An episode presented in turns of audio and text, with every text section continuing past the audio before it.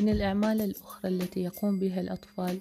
هي التحدث مع تردد أصواتهم ورجوعها إليهم متنقلة من مكان إلى آخر